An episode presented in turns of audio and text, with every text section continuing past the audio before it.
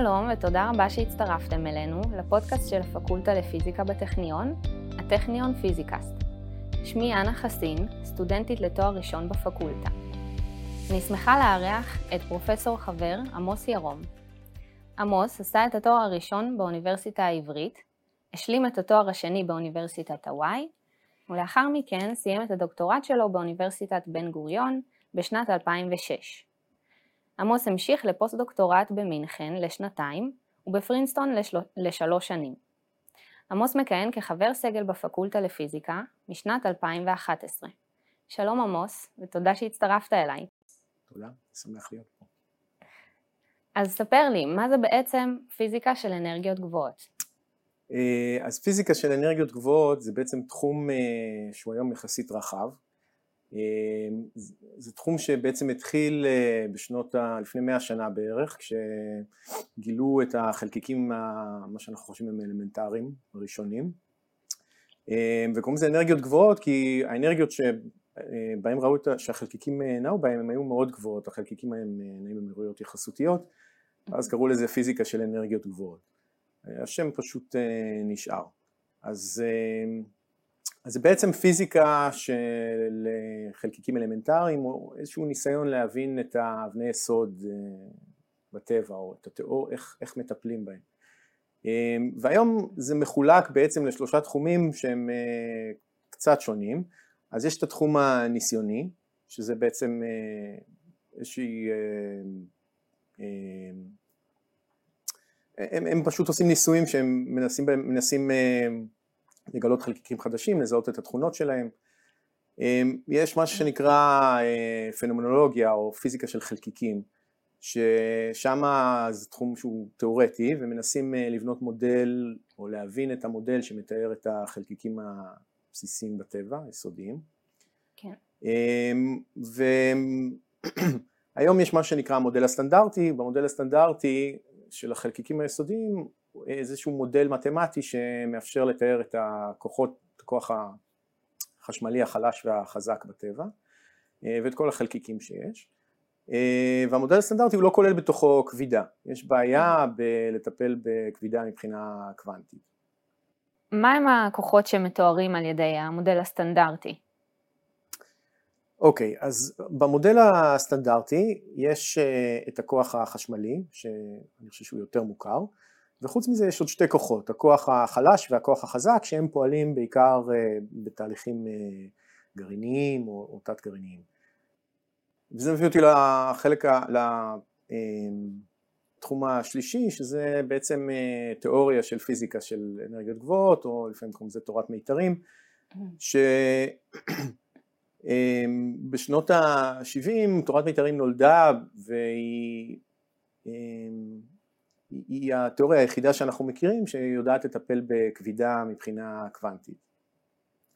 אמ, אבל אה, זה היה לפני 50 שנה ומאז אה, התחום קצת אה, התפתח והשתנה והתרחב והיום מה שנקרא תיאוריה של פיזיקה של אנרגיות גבוהות או תורת מיתרים הוא כולל הרבה דברים שהם מעבר רק לכבידה קוונטית, זאת אומרת אנשים שמתעסקים בתחום הזה הם מנסים להבין את ה... או לפתח כלים אה, פורמליים בשביל לטפל בבעיות שהן קשות בתחום של אה, פיזיקה של חלקיקים או אפילו באופן יותר רחב בתורת שדות קוונטיים. אז לפני זה הזכרת את המודל הסטנדרטי שמתאר ביחסית טוב את היקום שלנו, אבל הוא לא כולל בתוכו את הכבידה, והזכרת גם כבידה קוונטית. אז מה זה? אוקיי, okay, אז, אז לפני שאני אדבר על uh, כבידה קוונטית, אני אסביר קצת מה זה אומר uh, המודל הסטנדרטי ומה זה חשמל קוונטי, אלקטרודינמיקה קוונטית. אז, אז יש את הכוח החשמלי שהוא בעצם uh, מתאר לנו איך מטענים uh, או איך הם מושכים אחד, מטענים חשמליים דוחים ומושכים אחד את השני. ויש, אז, אז התיאוריה הזו, אנחנו, שמתארת את זה, אנחנו חושבים עליה בתור תיאוריה קלאסית במובן זה שהיא לא, לא קוונטית. אה, תיאוריה קוונטית זה תיאוריה שהיא בעצם, אה, מכניקת קוונטים, במקום לתת אה, איזשהן תוצאות דטרמיניסטיות לגבי ניסויים, אנחנו נותנים הסתברות שמשהו יקרה. ואפשר לחבר חשמל עם מכניקת קוונטים, שזה אומר שהכוח החשמלי הוא בעצם אם נמדוד את הכוח החשמלי אז אנחנו כל ניסוי נקבל תוצאה טיפה שונה אבל אנחנו יכולים לחשב את ההסתברות שנקבל תוצאה מסוימת ולחשב מה הממוצע. אז אפשר להכיל את תורת הקוונטים על, על תיאוריה אלקטרודינמית, תורה אלקטרודינמית. וכשאני אומר תורת שדות קוונטית זה מה שאני מתכוון, אנחנו לוקחים איזשהו כוח וחלקיקים שנעים בנוכחות הכוח הזה או משפיעים אחד על השני בעזרת הכוח הזה ואנחנו מכילים את מכניקת קוונטים. כשאני מדבר על כבידה קוונטית זה ניסיון מאוד דומה, אז כבידה בעצם אומרת שכבידה ניוטונית אומרת ששני מסות תמיד ימשכו אחד את השני, זה משהו, זה תיאוריה קלאסית לא קוונטית. ואנחנו יכולים לשאול מה יקרה אם התיאוריה הזאת תהיה קוונטית, כלומר אם אני ארצה לחשב את כוח המשיכה אני מצפה אם מכניקת קוונטים באמת פועלת בקונטקסט של כוח המשיכה כמו שהיא פועלת בכוחות אחרים שכוח המשיכה לא יהיה בדיוק מה שניוטון אמר אבל יהיו איזה שהן סטיות סטטיסטיות מהכבידה הניוטונית וכבידה קוונטית אמורה לתת לי איזשהו ניבוי לגבי ההסתברות שאני אמדוד כוח כזה או אחר. הבעיה בכבידה הקוונטית היא שכשמנסים לבצע את אותו תהליך שמאפשר לנו לאחד מכניקת קוונטים עם הכוח החשמלי ומנסים להכיל את התהליך הזה על כבידה זה פשוט לא עובד בצורה רגילה וצריך למצוא איזושהי דרך עקיפה או אחרת בשביל להכיל, להכיל את זה על כבידה. ופה בעצם נכנסת תורת המיתרים? כן, אז מה שתורת המיתרים עושה היא, היא, היא מאפשרת בדרך מאוד עקיפה לטפל בכבידה קוונטית, זאת אומרת כשאני אומר מאוד עקיפה זה, זה, זה מפתיע שהיא, שזה מה שהיא עושה, תורת מיתרים התחילה בכלל בתור איזשהו ניסיון להבין את הכוח החזק וכשהתחילו לשחק עם התיאוריה הזאת אז ראו שבעצם היא לא מתארת את הכוח החזק אלא היא באמת יש בה, היא, היא מאפשרת לתאר כבידה מבחינה קוונטית. אז, אז זה זה החוזק של תורת מיתרים, יש כל מיני ניסיונות אחרים אה, לבצע, לאחד אה, כבידה עם קוונטים, אבל תורת המיתרים היא התיאוריה היחידה שמאפשרת, אה, שנותנת, שמשחזרת תוצאות קלאסיות. מה, מה הכוונה? אנחנו יודעים שאם אנחנו לא עושים מדידות מאוד מאוד מדויקות, אז התיאוריה של אלקטרודינמיקה כמו שאנחנו מכירים את התיאוריה של חשמל היא עובדת, משוואות, משוואות שמתארות את השדה החשמלי והמגנטי. הם עובדים בלי, בלי קוונטים, זה רק כשנתחיל לעשות תוצאות מדויקות אנחנו נקבל אה, איזשהם אפקטים קוונטיים, אז כל תיאוריה קוונטית צריכה שיהיה לה איזשהו גבול מה שנקרא קלאסי, זאת אומרת אם אנחנו לא נסתכל על סקלות מאוד קטנות אנחנו מצפים שהתיאוריה הרגילה הקלאסית תעבוד אותו דבר לגבי כבידה, אם יש לנו כבידה קוונטית אנחנו צריכים להיות מסוגלים לקחת איזשהו גבול קלאסי שבו הכבידה הניוטונית, הכוח הריבועי ההפוך של ניוטון יעבוד.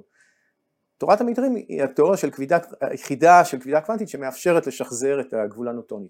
תיאוריות אחרות פשוט אי אפשר לקחת את הגבול או לא ברור אם הוא עובד או לא. אז, אז תורת מיתרים היא ייחודית מהבחינה הזו, זה לא אומר שהיא בהכרח נכונה, אבל זה כרגע מה שיש לנו. כן. אני, אני רק יוסיף ואומר ששוב פיזיקה של אנרגיות גבוהות זה לא רק כבידה קוונטית, אה, פיזיקה, האספקט התיאורטי של פיזיקה של אנרגיות גבוהות זה לא רק כבידה קוונטית, זאת אומרת זה התחיל בתור אה, ניסיון להבין כבידה קוונטית אבל היום זה תחום שמטפל ב, אה, גם בכבידה קוונטית אבל גם בהבנה יותר מעמיקה של מה שקראתי לו תורת שדות קוונטית, כלומר איחוד של כוחות עם מכניקת קוונטים. אמ, והיא נשענת על בעצם שלושה דברים, אחד זה כבידה, השני זה תורת שדות קוונטית, שזה כל המכונה הזאת שמאפשרת לעשות חישובים של כוחות וחלקיקים, אה, ותורת מיתרים. ומי שמתעסק בתחום הזה צריך לדעת את שלושת הדברים האלה, לפעמים יותר, לפעמים פחות מכל מיני אספקטים של הדברים האלה, והתחום הוא רחב, הוא מתפצל אה, ומטפל בהרבה מאוד אה, בעיות בתוך אה, שלושת הנושאים האלה. כן, אוקיי. אז מה התגלית המשמעותית ביותר בעיניך בעשור האחרון בתחום? אוקיי, אני אלך קצת יותר רחוק מעשור, אני, אני, אני אגיד לפני עשרים שנה. אמ, אז התגלית אה, שלדעתי המשמעותית, ביותר בתחום, היא מדברת על משהו שנקרא אמ, דואליות בין שתי תיאוריות. מה זה דואליות? דואליות, אז יש, זה, בין שתי תיאוריות, זה אומר שאם יש לי תיאוריה א' ותיאוריה ב', הן יכולות להיראות מאוד מאוד שונות, אבל אה, אה, אם התיאוריות דואליות זה אומר שזה בעצם אותה תיאוריה. מה הכוונה? הכוונה היא שיש לי איזשהו מילון, ואם יש לי בעיה בתיאוריה א', אני יכול אה, כל גודל בתיאוריה א', בעזרת המילון לתרגם לגודל בתיאוריה ב'. אז הרבה פעמים זה קצת חסר משמעות, כי את יכולה להגיד, טוב, אז מה הסיפור? אני פשוט אני מתרגם משהו אחד למשהו אחר. אבל לפעמים הדואליות הזאת יכולה לקשר בין שתי תיאוריות שהן נראות שונות לגמרי. למשל, יכול להיות אה, בעיה, אה, תיאוריה א', ונגיד שאני רוצה לפתור בעיה מאוד מאוד קשה בתיאוריה א', אם יש לי מילון שמאפשר לתרגם את הבעיה הזאת לבעיה בתיאוריה ב', בתיאוריה ב' יכול להיות שהבעיה, אותה בעיה יהיה לי קל לפתור אותה שם. ואז אם יש לי את תיאוריה א', אני מתרגם את הבעיה לתיאוריה ב', פותר את זה שם, אז אני משתמש במילון בשביל למצוא את הפתרון, איך הוא נראה שוב פעם בתיאוריה א'. אז דואליות זה משהו שמאפשר, שתי תיאוריות שהן דואליות, הן תיאוריות שהן בעצם אותה תיאוריה, אבל באיזושהי תחפושת, לא תמיד, לא תמיד זה, זה מאוד ברור אה, למה, למה שיהיו דואליות, מה שגילו ב... לפני 20 שנה בערך זה נקרא ADS-CFT או תיאוריות הולוגרפיות, מה שזה אומר, זה אומר שכבידה קוונטית בחמישה ממדים היא אותו דבר כמו אה, תיאוריה שמתארת כוחות וחלקיקים בארבעה ממדים. אה, אני אומר את זה בצורה גסה, אפשר לדייק יותר, אבל אה, אם אני אדייק יותר אז אני חושב שאני אלך לאיבוד בפרטים. אז מה שאני אומר הוא קצת יוריסטי, אבל, אבל הוא בגדול נכון. עכשיו, מה זה אומר כבידה קוונטית? זה אומר שזה איזושהי תיאוריה שיש בתוכה את כוח הכבידה, יכולים להיות בה כוחות אחרים, אבל אה, היא גרה בחמישה ממדים. כשאני אומר חמישה ממדים אני מתכוון ארבעה ממדים מרחביים וקורדינטת זמן. ארבע, חמישה ממדי מרחב זמן. Mm-hmm. אז זה לא העולם שלנו, העולם שלנו, אנחנו לא חושבים שהוא חמישה ממדי, אבל אני יכול לדמיין עולם דמיוני חמישה ממדי ולכתוב שם תיאוריה שהיא מתארת כבידה ואולי איזשהן אינטראקציות עם אה, חומר בחמישה ממדים. מצד שני אני יכול לרשום תיאוריה בארבעה ממדים, כלומר שלושה ממדים מרחביים ממד זמן, שיש בה איזה שהם חלקיקים וכוחות, לא בהכרח החלקיקים והכוחות שיש בעולם שלנו, אבל אה, איזה שהם חלקיקים ואיזה שהם כוחות.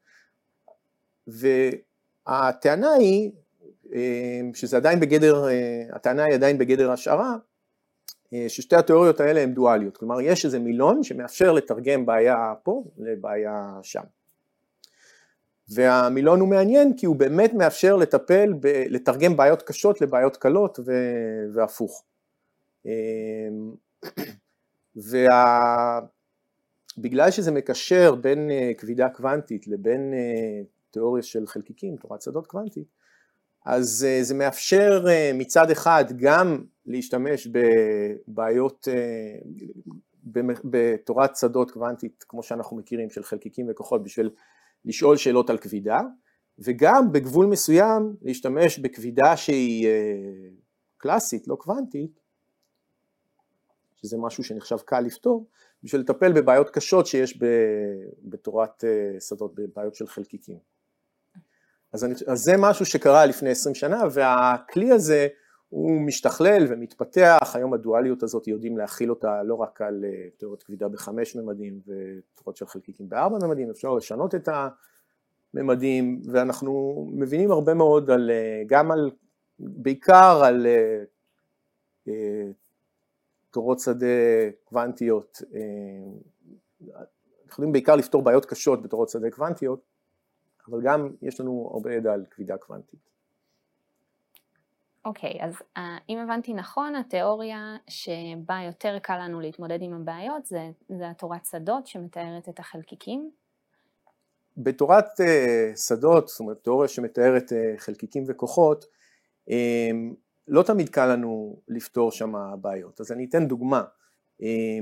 המודל הסטנדרטי הוא מתאר את כל החלקיקים שאנחנו מכירים, בפרט הוא יודע לתאר את הפרוטון. עכשיו, הפרוטון לפי המודל הסטנדרטי מורכב, מורכב משלושה חלקיקים יותר קטנים שנקראים קווארקים. המודל הסטנדרטי יש לו את המסה של הקווארקים, אבל אם תחברי את המסה של הקווארקים לא תקבלי את המסה של הפרוטונים, הרבה הרבה הרבה יותר גדולה. עכשיו למה היא גדולה? כי יש אנרגיית, הרבה אנרגיית קשר, וזה נובע מזה שהכוח החזק הוא חזק.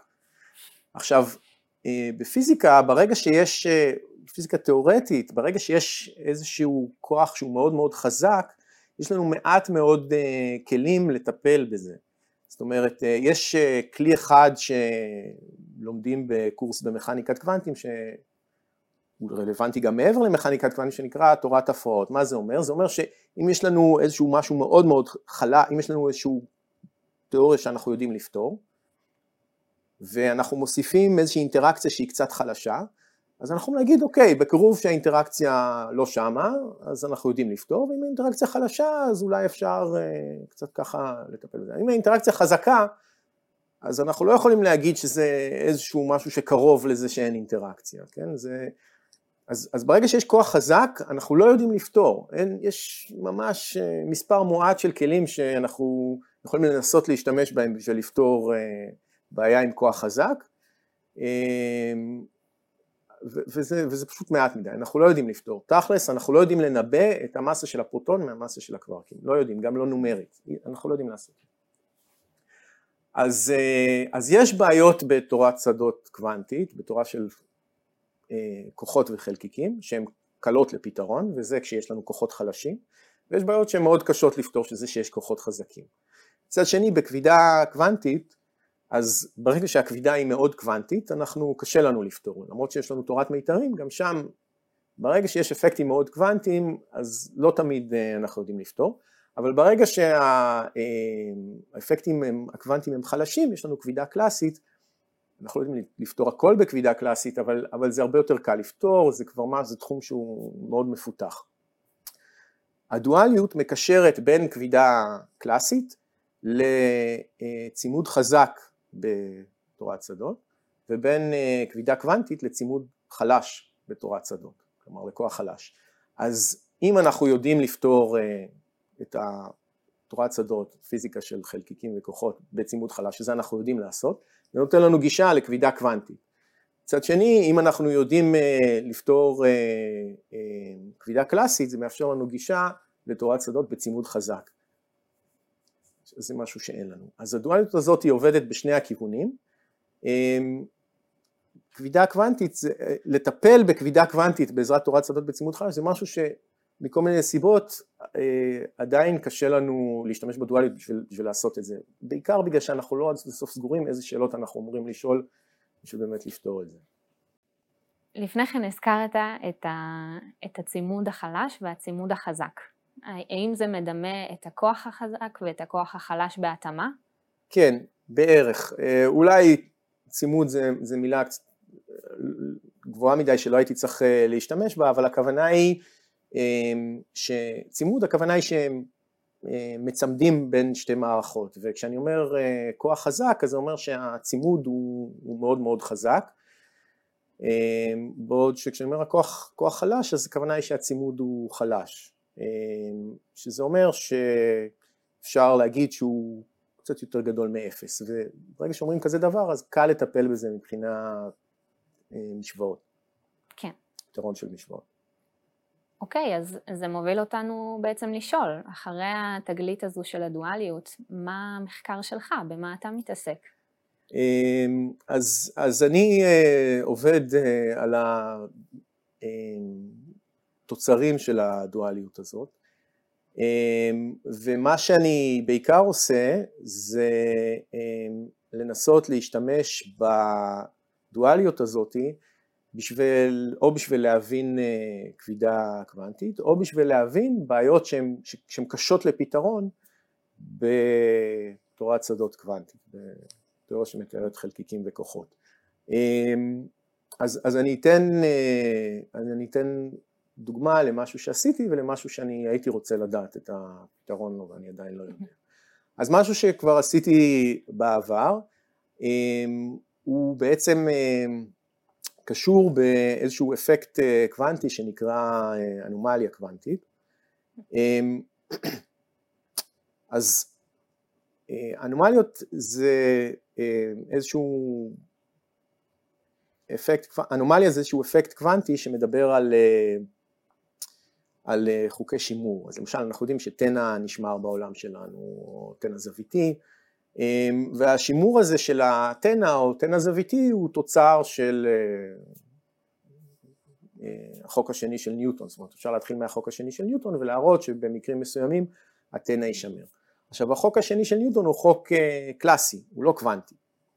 הרבה פעמים בתיאוריות קוונטיות עדיין אפשר להשתמש באיזושהי גרסה של שימור תנע, אבל לפעמים חוקי השימור הקוונטיים הם לא משחזרים את חוקי השימור הקלאסיים, זאת אומרת יכול להיות גודל שבאותו גבול קלאסי שדיברנו עליו הוא נשמר, אבל אפקטים קוונטיים ישברו אותו, זאת אומרת הוא לא יישמר, אז אם, אם יש לי תיאוריה שהיא תנע נשמר בה, יכול להיות שיהיו איזשהם אפקטים קוונטיים שבתיאוריה הקוונטית התנע לא יישמר, זה נקרא אנומליה. זה משהו שהוא מאוד מאוד uh, מפתיע, זאת אומרת, uh, כי הרבה פעמים אנחנו חושבים שחוקי השימור הקלאסיים גם uh, התקיימו במכניקת קוונטים. עכשיו, התגלית הזאת שיש אנומליות היא משהו ש... זאת אומרת, ראו את זה קודם ניסיונית, היה איזשהו, איזשהו חלקיק התפרק בקצב שלא טעם כל כך את הקצב שהוא היה אמור להתפרק, שחישבו בעזרת חוקי שימור, ואז גילו שיש את האנומליה הזאת. אז כל העדות הניסיונית שיש לנו היום לאנומליות היא בעצם מיקרוסקופית, זאת אומרת מדובר על התפרקות של חלקיקים או משהו כזה שהוא אפשר לראות אותו בעיניים. מה שאפשר היה להראות בעזרת הדואליות זה שיכולים להיות אפקטים פיזיקליים שקשורים באנומליה שהם לא מיקרוסקופים אלא הם מקרוסקופים, הם קורים בקנה מידה גדול. ובפרט אפשר להראות שאם יש לי איזשהו גז שמורכב מחלקיקים שהתיאוריה הקוונטית שלהם אומרת שאיזושהי סימטריה אנומלית, אז ברגע שנסובב את הגז הזה, אז ייווצר איזשהו זרם בכיוון התנע הזוויתי, בכיוון הסיבוב. שזה אפקט מאוד uh, מפתיע. איך מגלים את האפקט הזה? מסתבר שהתיאור הדואלי לגז הזה שמסתובב, הוא uh, קשור בהתנהגות של חורים שחורים בנוכחות איזשהו חומר. ומסתבר שברגע שמסתכלים על חורים שחורים בנוכחות החומר הזה, ההתנהגות שלהם היא מאוד מוזרה, היא לא משהו סטנדרטי שהם מכירים. וכשממפים את המוזרות הזאת לבעיה בתורת שדות, אז מגלים שיש את התכונה המעניינת הזאת. עכשיו, כמו שאמרתי, אז, אז זה סוג הדברים שמעניינים אותי, זאת אומרת באמת לקשר בין שני, להשתמש בדואליות הזאת בשביל אה, לראות או להבין אפקטים פיזיקליים אה, אה, שקשה לנו לראות אחרת. אה,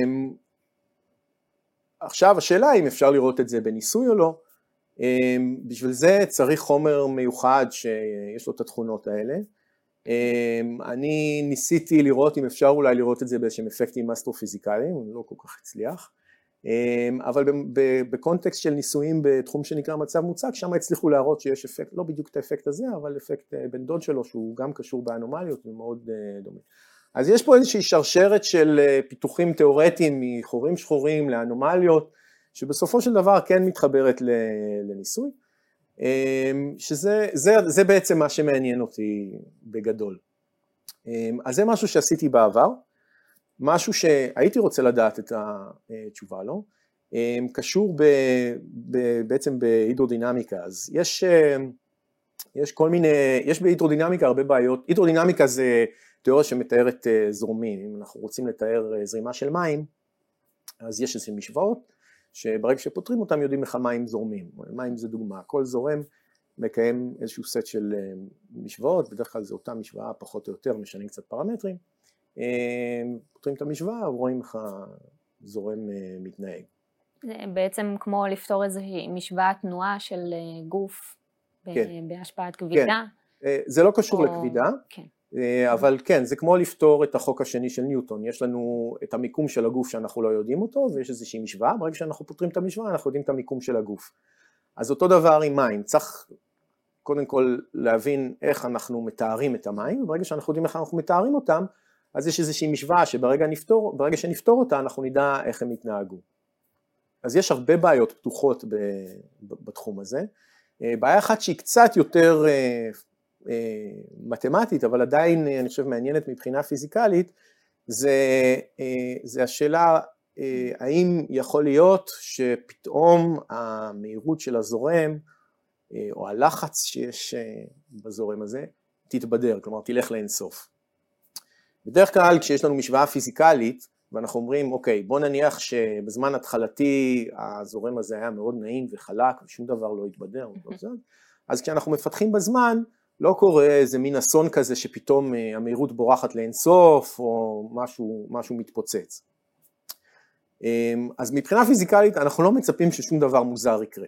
בדרך כלל כשאנחנו אומרים כזה דבר, אז זה אומר שהמתמטיקאים מסוגלים להראות שזה לא קורה במשוואה עצמה, כלומר אפשר להראות שלמשוואה יש תכונות כאלה שדברים לא יתבדרו. אמ, אבל פה המתמטיקאים לא מצליחים להראות את זה. לא רק זה, זה בעיה שנחשבת אה, בעיה פתוחה במתמטיקה, זה אחת מבעיות המילניום, מי שפותר אותה מקבל אה, מיליון דולר. לא יודעים להראות שלא ייווצרו סינגולריות כאלה, לא, לא תיווצר התבדרות, לא, שום דבר לא יברח לאינסוף בזמן סופי. אז איך, אה, אז למה אני מתעניין בזה?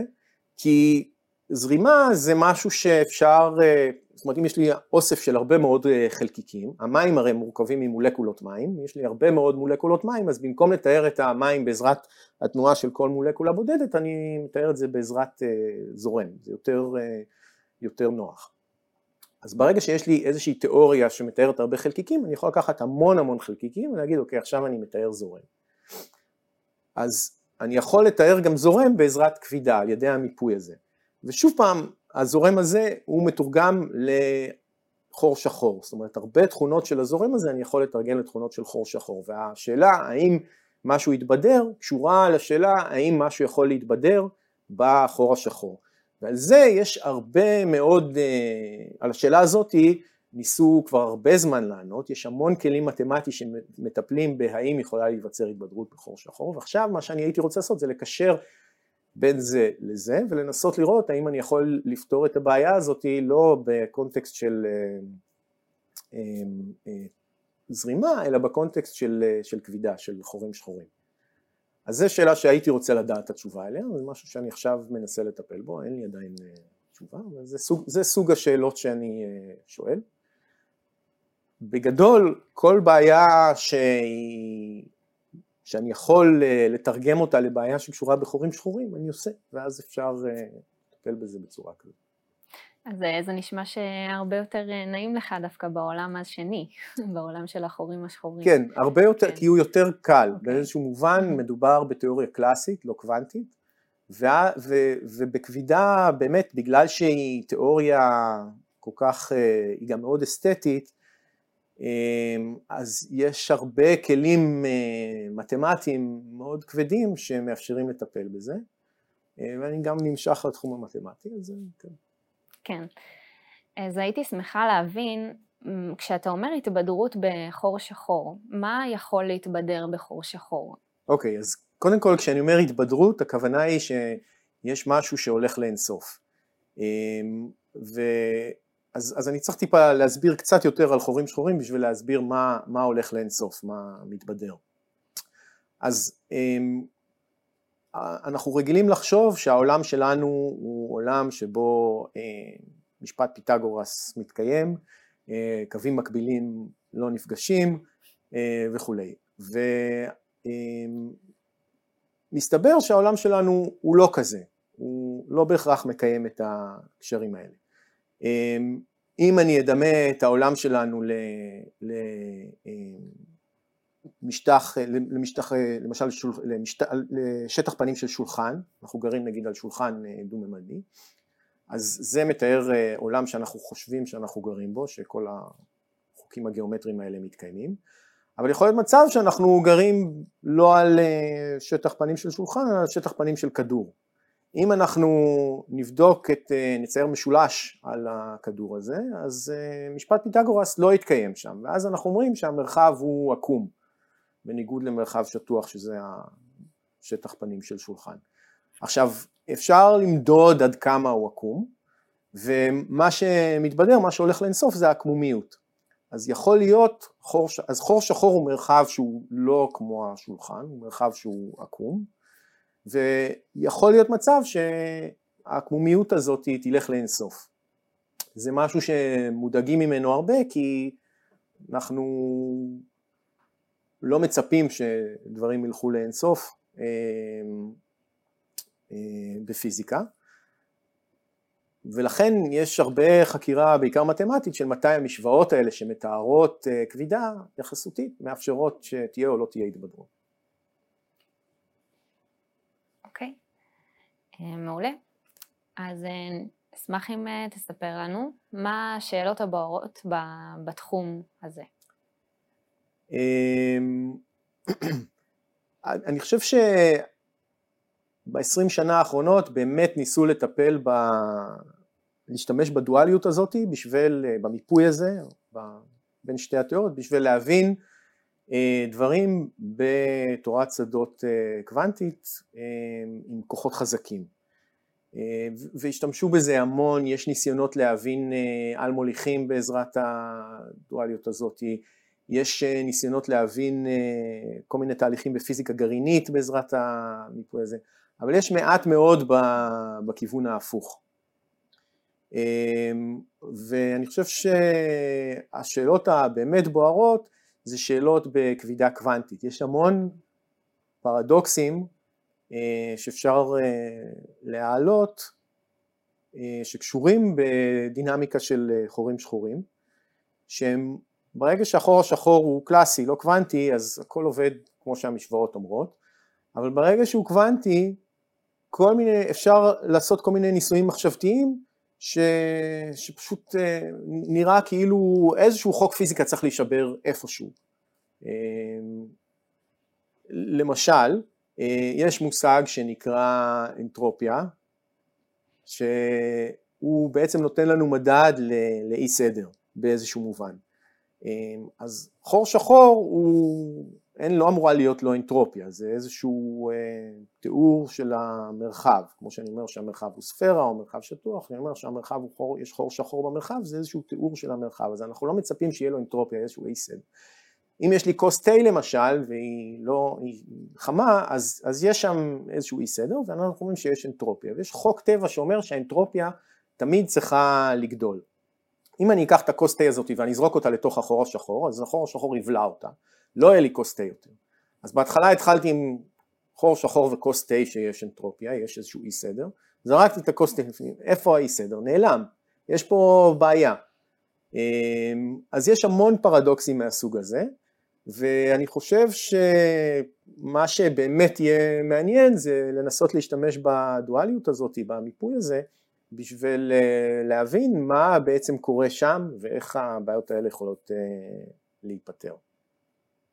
אז אם, אה, אם אנחנו ניגש בעצם לתיאוריה השנייה, שזה תורת השדות והחלקיקים והכוחות ביניהם, אז אנחנו נוכל לענות על השאלה הזו, או שזו הציפייה שלנו?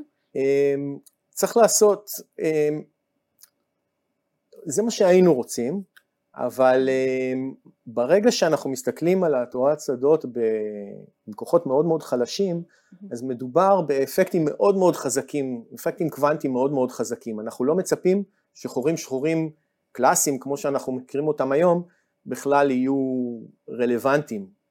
אז מה שאנחנו רוצים לעשות זה בעצם אה, לנסות איכשהו לדבר על אפקטים קוונטיים קטנים יחסית בחורים שחורים, ולנסות לומר שעצם העובדה שזה צריך להיות מתואר על ידי תורת שדות, למרות שהיא בצימוד חזק, איכשהו להשתמש בכלים קצת יותר מורכבים בשביל לטפל בפרדוקסים האלה. למשל, הבעיה הזאת של האנטרופיה, של האי סדר, אז אנחנו יודעים שבתורת שדות קוונטיים אין בעיה של אנטרופיה, אין, זה עובד חוקי תרמודינמיקה, הכל עובד שם יופי. ואם יש מיפוי, אז אנחנו יודעים שצריך להיות איזשהו פתרון לפרדוקס הזה, זה לא יכול להיות שאין פתרון, בצד אחד אנחנו יודעים שיש פתרון, לא משנה אם הכוח הוא חזק או חלש, החוק, מה שנקרא החוק הזה שהאנטרופיה תמיד גדלה, הוא, הוא תמיד נכון, ולכן צריך להיות איזשהו פתרון בקונטקסט של, של חורים שחורים וכבידה. איך בדיוק זה עובד, זו שאלה שהיא קצת יותר אה, מורכבת, ואנחנו לא עד הסוף יודעים את התשובה עליה. תראה, בעיניי זה מאוד מרשים שאיך הפיזיקאי חושב בגדול אה, לעבור בין תיאוריה אחת לאחרת, ובאמת שהדואליות הזו היא, היא מדהימה אותי, כי גם אה, בתואר הראשון אני פוגשת הרבה דברים שקשורים אחד לשני, למרות שנראה שלא. אז זה באמת נשמע תחום מאוד מעניין. ומקווה שתגיעו לתשובה. אני, אני, אני חושב באמת אה, לעשות את הכישורים האלה זה גם אה, נחמד, זה גם אה, האפשרות באמת לקשר בין דברים שהם לכאורה שונים היא מעניינת, וגם שזה בסופו של דבר כן מתחבר למשהו יותר קונקרטי וניסיוני, זה גם בתור פיזיקאי זה כיף. אתה חושב שאפשר לעצב איזשהו ניסוי בתחום הזה, שלא קשור לחלקיקים, או... בתחום הזה את מתכוונת... אה, בתחום של אנרגיות גבוהות? כן. של כבידה קוונטית? כן. אמ, יש כל מיני ניסיונות אה, להעלות אה, ניסויים כאלה, כרגע אני לא חושב ש... אין, אין כרגע משהו שהוא באמת מוסכם שהוא ייתן לנו איזשהו מדד לאפקטים קוונטיים בכבידה, אבל כל הזמן מנסים, זאת אומרת יש אנשים שמנסים לבדוק האם בגלי כבידה אפשר למצוא אפקטים קוונטיים, יש כל מיני ניסיונות, אה, בגדול בגלל שהכבידה היא כוח יחסית חלש, אז אה, אני כרגע לא רואה אבל איזושהי אפשרות לעשות ניסוי כזה, אבל זה לא אומר שלא כדאי להמשיך לנסות. כמובן. אז מה אתה צופה בעתיד לתחום? איזה תעלומות לדעתך ייפתרו, איזה לא? אז אני חושב שחלק מהפרדוקסים של, שקשורים בחורים שחורים כן אה, ייפתרו בחמש, אה, עשר שנים הקרובות. היום יש אה, איזשהו ניסיון שנראה שהוא הולך להצליח להשתמש דווקא בשיטות של, אה, קוראים לזה אינפורמציה קוונטית, בשביל אה, לתאר חורים שחורים. אה, אז אינפורמציה קוונטית זה איזשהו תחום יחסית חדש,